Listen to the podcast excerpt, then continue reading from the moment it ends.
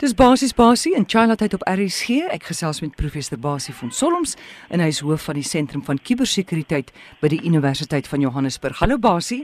Goeiemôre daar.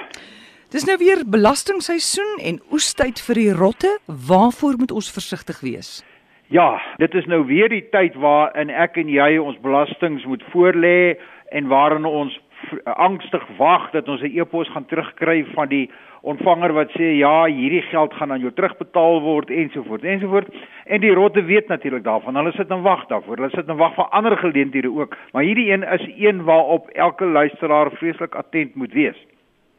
Moenie jy 'n e-pos van die ontvanger kry wat sê daar gaan X rand aan jou terugbetaal word klik op 'n skakel wat jou na 'n webwerf toe vat waar jy jou bankbesonderhede moet invoer nie. Hulle gaan vir jou sê die geld moet in jou bankrekening inbetaal word. Ons moet weet wat jou bankrekening is, anders te kan ons dit vir jou terugbetaal nie.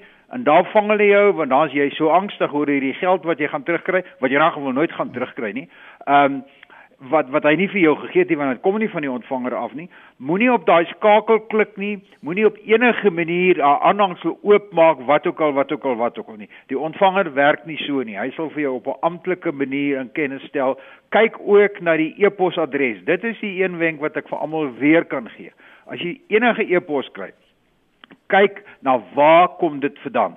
As dit 'n snaakse e-pos is, wees versigtig dan is die kans amper 90 100% dat dit nie kom van die ou af van wie jy dit verwag nie. So, jy sal 'n e-pos kry, maar dan gaan dit duidelik daar staan dis SARS en as jy nie seker is nie, log aan na SARS se webwerf toe, gaan kyk wat is hulle e-posadres en verwag dan iets van hulle, maar moenie reageer nie. Wat sal 'n snaakse e-pos wees? Iets wat nie moet moet uh, punt uh co.za eindig nie. En hy gaan heel waarskynlik, ek is nie seker nie, maar dit gaan iets wees soos www.sars.co.za of .gov.ca uh, of iets in daai lyn. Maar as daar 'n snaakse adres is in terme van 'n land of 'n klomp syfers of 'n klomp nommers of 'n snaakse laaste twee syfertjies, dan dan moet jy onmiddellik, jy weet daai rot moet in jou oë spring nog voor jy eers daai e-pos geïnterpreteer het uh die rotte verskuil baie keer 'n e-posadres onder 'n ander e-posadres. So vat jou muis en laat jou muis oor die e-posadres waar die e-pos vandaan kom. Laat hom net so lê op daai adres en baie keer sien jy daar spring 'n ander e-posadres, die valse een, spring daar agteruit. So hy laat jou dink dit is Sarsin en dit herken jy as Sarsin, maar daar agter op 'n skelm manier het hy die het hy die verkeerde een ingesit wat jou na die vals webwerf toe gaan vat waar jy gaan inlog en dan is jou bankbesonderhede daarmee. Basie, en jy het ook 'n waarskuwing vir mense wat gastehuise het en nou met die vakansieseisoen om die draai wanneer dit kom by daai te veel betaal slenter. Verduidelik dit vir ons. Al mense van gastehuise en vir al maatskappye. Om wat die ou doen is hy kontak jou byvoorbeeld, hy sê vir jou ek wil plek bespreek in jou gastehuis van daai datum tot daai datum. En jy sê ja, dit is 'n baie goeie bespreking, dit is 2 weke, dis 'n klomp geld vir my ensovoorts, dan gee jy vir hom 'n kwotasie en jy sê dit kos jou dit betaal nou 'n uh, deposito to 10% of wat ook al in my rekening in. Dan kry jy per e-pos 'n bewys van inbetaling maar die bedrag is baie groter as die bedrag wat hy moes betaal het. Mm. Nou kom hy terug en hy sê vir jou, hoor ek het 'n verskriklike fout gemaak. Jou deposito was eintlik R400, maar ek het eintlik R4000 betaal. Jammer, ek het 'n vingerfout gemaak. Kan jy nou asseblief die oor die oorblywende R3600 in hierdie bankrekening inbetaal en hier is die bewys van die R4000 wat ek in jou bankrekening betaal het. Nou A, daai bewys is altyd vervals. Hoe weet ek en, dit? Jy weet dit want jy gaan kyk in jou bankrekening.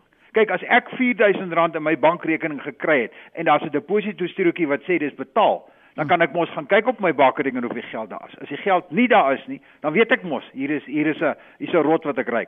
Of ek wag 'n paar dae, al vat daai geld 'n paar dae, dan wag ek 'n paar dae en ek gaan kyk of die geld gekom het.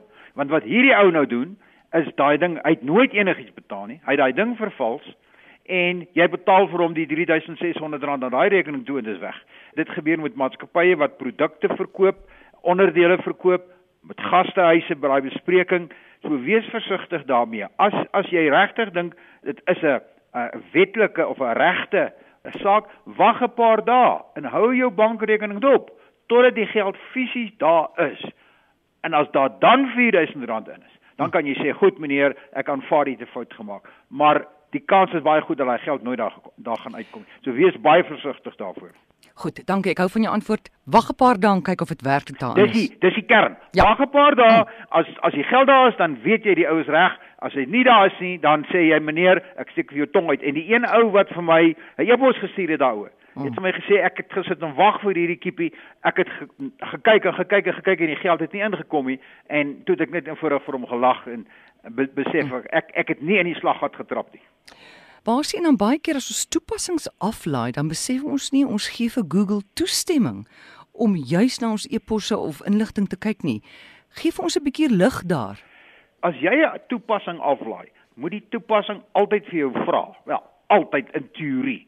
Vir jou sê, hy sê vir jou, ek wil toegang hê tot jou kamera, ek wil toegang hê tot jou lys van kontakte, ek wil toegang hê tot jou tot jou e-pos ensovoorts ensovoorts. En dan is dit jou keuse om te sê ja, jy kan dit kry of nee, jy kan dit nie kry nie. Nou is dit so dat in baie gevalle as jy sê nee, jy kan dit nie kry nie, dan sê jy vir jou, goed, maar nou kan jy nie hierdie toepassing gebruik nie. En dan moet jy besluit neem. As hmm. jy byvoorbeeld 'n toepassing aflaai wat vir jou musiek speel en daai toepassing vra regte tot jou kamera, dan moet jy 'n rot ryk. Dan moet jy sê, "Hoekom wil hierdie toepassing wat net vir my musiek moet speel, Hoekom wil hy my kamera toegang hê of hoekom wil hy na my e-pos toe toegang hê? So die wenk hier vir luisteraars is as jy daai ding aflaai, daai toepassing aflaai, kyk mooi, moenie sommer net klik nie. Hmm. As hy vir jou sê eh, of daar staan 'n gewone uh, uh, blokkie wat sê alles. Ek gee vir jou regte tot alles wat jy hier onder vra. Kyk wat hy vra. Vra vir jouself af Het ek regtig wil ek my want onthou nou as jy vir hom toegang gee tot jou kamera, dan kan hy op enige stadium terwyl hy vir jou musiek speel, kan hy die kamera aanskakel en hy kan presies dik alles wat jy doen of maak of wat ook al wat op daai stadium waar jy in jou kamera wys, neem hy af. Of hy kry jou kontakte en nou kan hy vir jou kontakte begin e-posse stuur. So, kyk daarna en baie keer, soos ek sê, dan as jy as jy sê ek gee nie vir jou die reg nie, dan sê hy maar dan kan jy my nie gebruik nie dan sê jy vir hom nou gaan jy baie mooi in jou dinges in, dan wil ek jou nie gebruik nie want ek wil nie vir jou hierdie reg gee nie. En dis hoekom die mense Google verantwoordelik hou. Hulle sê Google, lees my e-pos. Dis nie Google nie, dis ek en jy wat vir daai toepassing sê. Jy kan my M my my my Gmail e-posse gaan lees en dan natuurlik dan gaan sê hierdie toepassing vir Google hierdie kiepie, hierdie eienaar het vir my toestemming gegee. Geef vir my daai e-pos sodat ek dit kan lees. Jy kan vir Basie kontak by rsgbasie@gmail.com.